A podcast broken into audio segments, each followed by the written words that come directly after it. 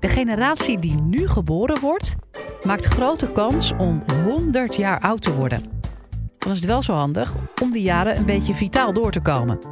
Een verouderingswetenschapper David van Bodegom vertelt je in dit college wat we hiervoor kunnen leren van de Ghanezen. Live vanuit Club Air is dit de Universiteit van Nederland. Ik heb mijn promotieonderzoek gedaan naar veroudering op platteland in Ghana. Ik ben opgeleid als dokter. En tijdens mijn studie raakte ik gefascineerd door het verouderingsproces. Vooral de biologie ervan. Hoe kan het nou dat een muis in twee jaar veroudert, een mens in 80 jaar en een schildpad in 250 jaar? Wat is het geheim van die schildpad? Om biologisch na te denken over veroudering moeten we goed begrijpen wat veroudering is. Als je dat een bioloog vraagt, die zal zeggen, nou, zijn definitie van veroudering is de opeenstapeling van schade gedurende het leven. En die schade die ontstaat eigenlijk door stress, door stress als in een belasting van het lichaam, van, die van buiten komt. Je kunt sigarettenrook inademen of blootgesteld worden aan UV-licht. Maar ook stress die van binnen komt. En gaat niet om psychische stress, maar om het metabolisme waarbij stofjes worden omgezet in andere stofjes. Waar ook zuurstofradicalen bij ontstaan en andere reactieve stofjes die, die je lichaam beschadigen. Van het leven zelf, daar slijt je van. De Amerikanen zeggen dan: life is a deadly disease. Ja. En sexually transmitted. Het leven als een dodelijke ziekte. Die schade die, kun je terugzien in allerlei niveaus van het lichaam. Je kunt op het kleinste niveau de moleculen bestuderen. Bijvoorbeeld de DNA-moleculen waar onze genen op liggen. En daar kun je dan die mutaties zien. Je kunt ook de cellen bestuderen. En zie je dat sommige cellen het niet goed meer doen. dat die senescente cellen worden of dat die vaker moeten delen of niet meer kunnen delen. Je kunt ook het niveau van het orgaan bestuderen. Dan zie je dat het hart op een gegeven moment niet meer zo goed kan kloppen of de nier niet meer zo goed functioneert. Er zijn allerlei verouderingstheorieën. Eh, en sommige die eh, verklaren veroudering vanuit die moleculen. Zeggen, nou, het gaat om de, die DNA-moleculen. Dat drijft het verouderingsproces. Die uiteinden worden steeds korter, die telomeren. En dat, zo gaat heel die keten beginnen. Andere mensen zeggen, nee hoor, dat zit hem in die cellen. Die senescente cellen, die scheiden stofjes uit. En dat is wat het verouderingsproces drijft. Andere mensen zeggen, nee, het zit hem in het hart. Als het hart, het kan maar zo vaak kloppen en als dat, dan is het gedaan. Al die dingen zijn een beetje waar. Het gaat om hetzelfde proces, een proces van schade. En uiteindelijk verslijt je. Maar we hebben een pak ontworpen. Dit is het verouderingspak van de Leiden Academy. En daarin kan je ervaren hoe het is om zelf oud te zijn. Nou, dit pak dat legt natuurlijk erg de nadruk op de, de mindere kanten van veroudering. Veel dingen worden ook mooier uh, met de veroudering. Um, en we zouden het hebben over de eeuwige jeugd. Uh, en ik wil het met jullie hebben over vitaliteit. Wat kun je zelf doen om lang gezond en gelukkig te blijven? Um, ik heb twee mensen meegenomen die ik aan jullie wil voorstellen. Twee mensen die mijn kijk op vitaliteit veranderd hebben. ik heb ze meegenomen in de hoop dat ze ook jullie kunnen inspireren, eens anders kunnen laten kijken en nadenken over vitaliteit. En de eerste die ik aan jullie wil voorstellen, dat is Hans. Hans is 68 jaar. En uh, ik heb Hans ontmoet op de afdeling interne geneeskunde van het LUMC. Hans was een ontzettend aardige man, maar hij was niet de toonbeeld van vitaal ouder worden. Hij had tal van klachten en kwalen.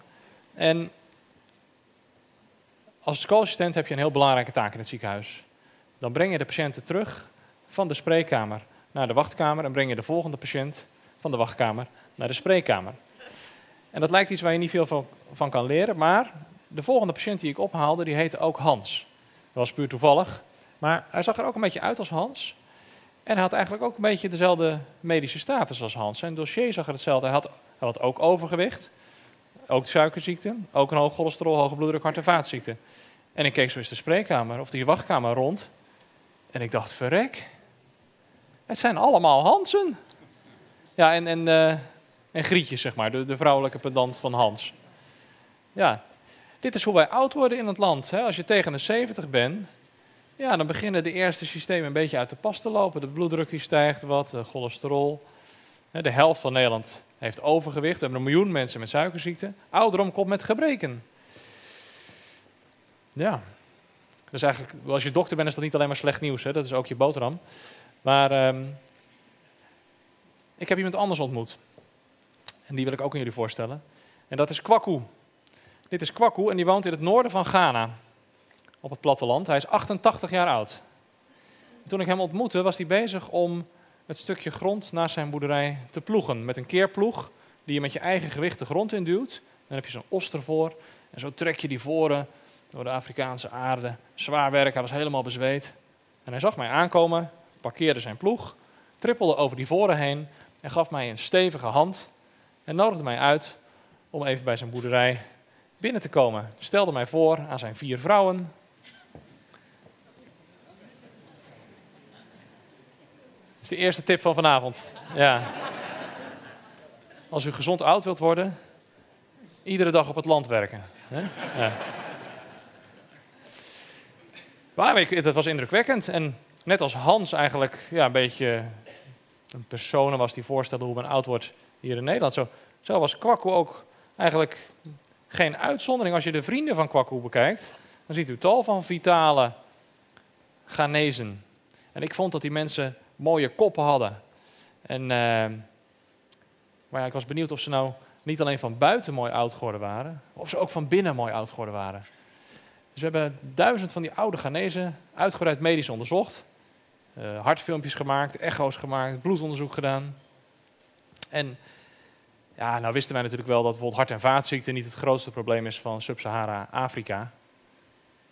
Maar het verbaast ons toch wel als je die echt oude Ghanese onder de loep neemt, dat ze eigenlijk, we hebben wel infectieziekten, malaria, of, maar de typische ziekten die je hier elke dag bij de huisarts of in het ziekenhuis in de, in de praktijk ziet, hart- en vaatziekten, diabetes, dat, nou, dat kwam daar eigenlijk nauwelijks voor. Hier heb ik een grafiek meegenomen over vaatschade. Als je met de echo kijkt naar die vaten in de benen, en je doet het in Amerika op straat, dan zie je naarmate mensen ouder zijn, komt dat vaker voor. En bij 85-jarigen heeft een kwart van de mensen kun je met echo die vernauwingen meten. En in Ghana zagen we dat ook af en toe wel, bij 3% van de oudere Ghanese. 970 van de 1000 oudere Ghanese hadden nog perfect gezonde vaten. Niet alleen in de benen, ook rond het hart. Nou, dat is toch wel interessant. En als je dan bloedonderzoek gaat doen en je onderzoekt uh, bijvoorbeeld het suikermetabolisme, dan zie je dat dat heel anders is in de, onder de oude Ghanese vergeleken met de oude Nederlanders. Maar Nederlanders of, of uh, mensen uit Amerika een bloedsuiker hebben zo tussen de 5 en de 6, ligt die in Ghana zo rond de 4.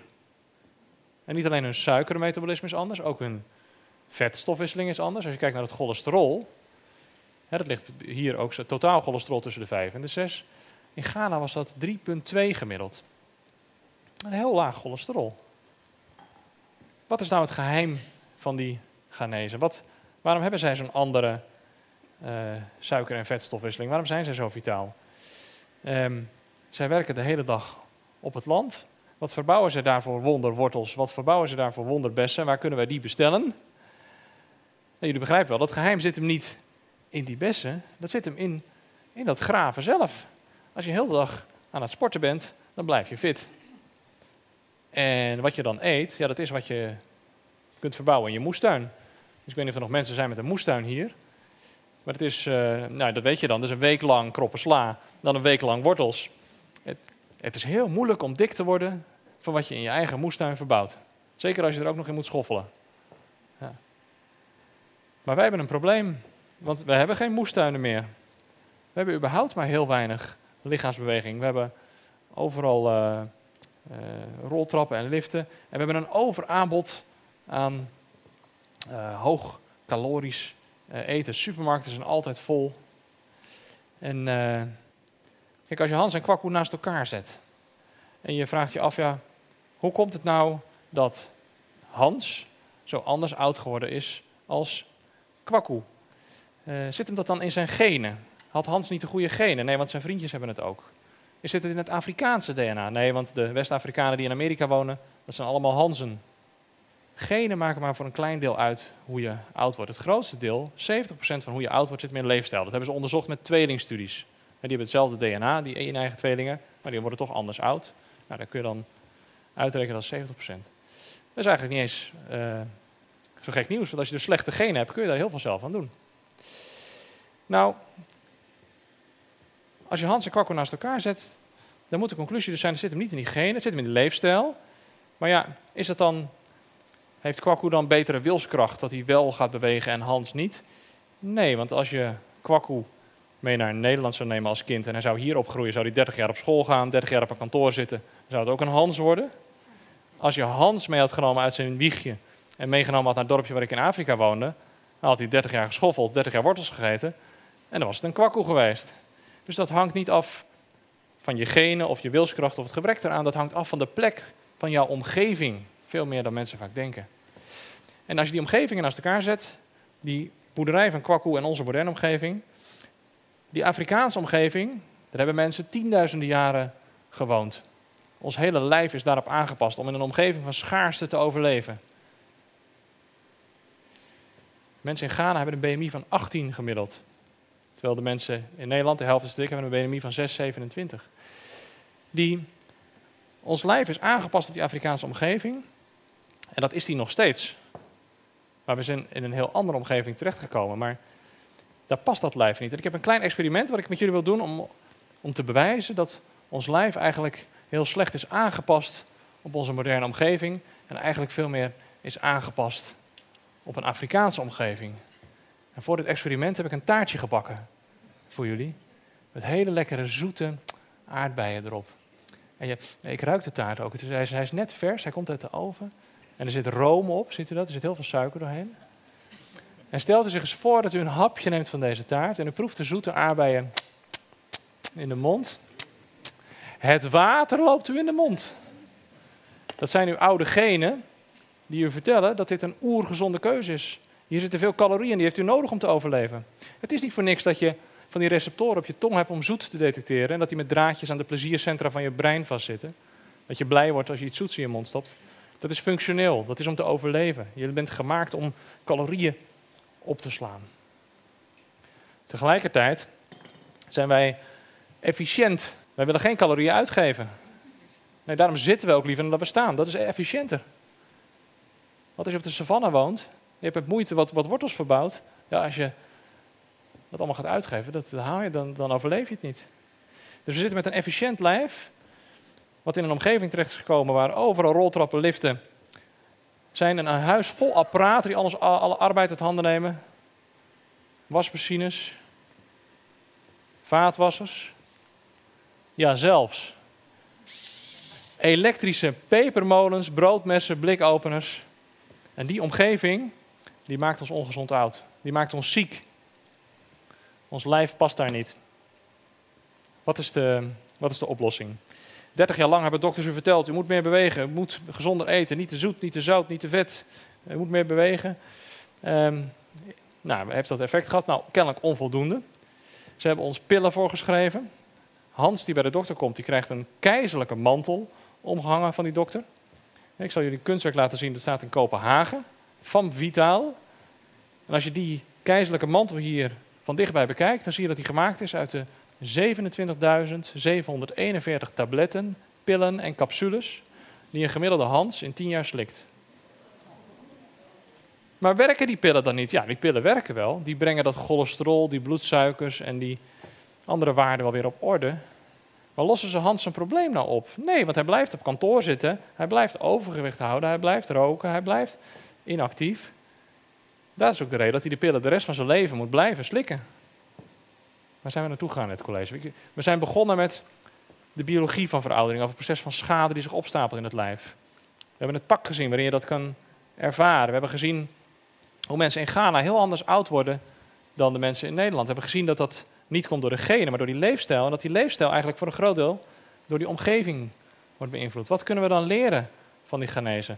Dat wij onze omgeving radicaal moeten veranderen. We zullen daar prikkels moeten inbouwen die ons verleiden tot gezondere keuzes. Stabureaus in plaats van bureaus waar je zittend achter werkt.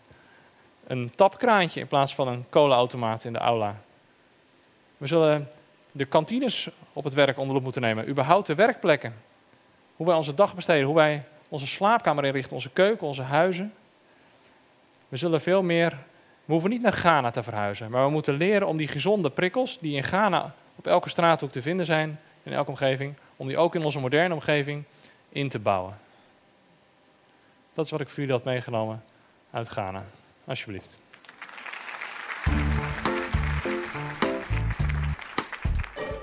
Wil je nou meer afleveringen van de Universiteit van Nederland horen? Check dan de hele playlist en ontdek het antwoord op vele andere vragen.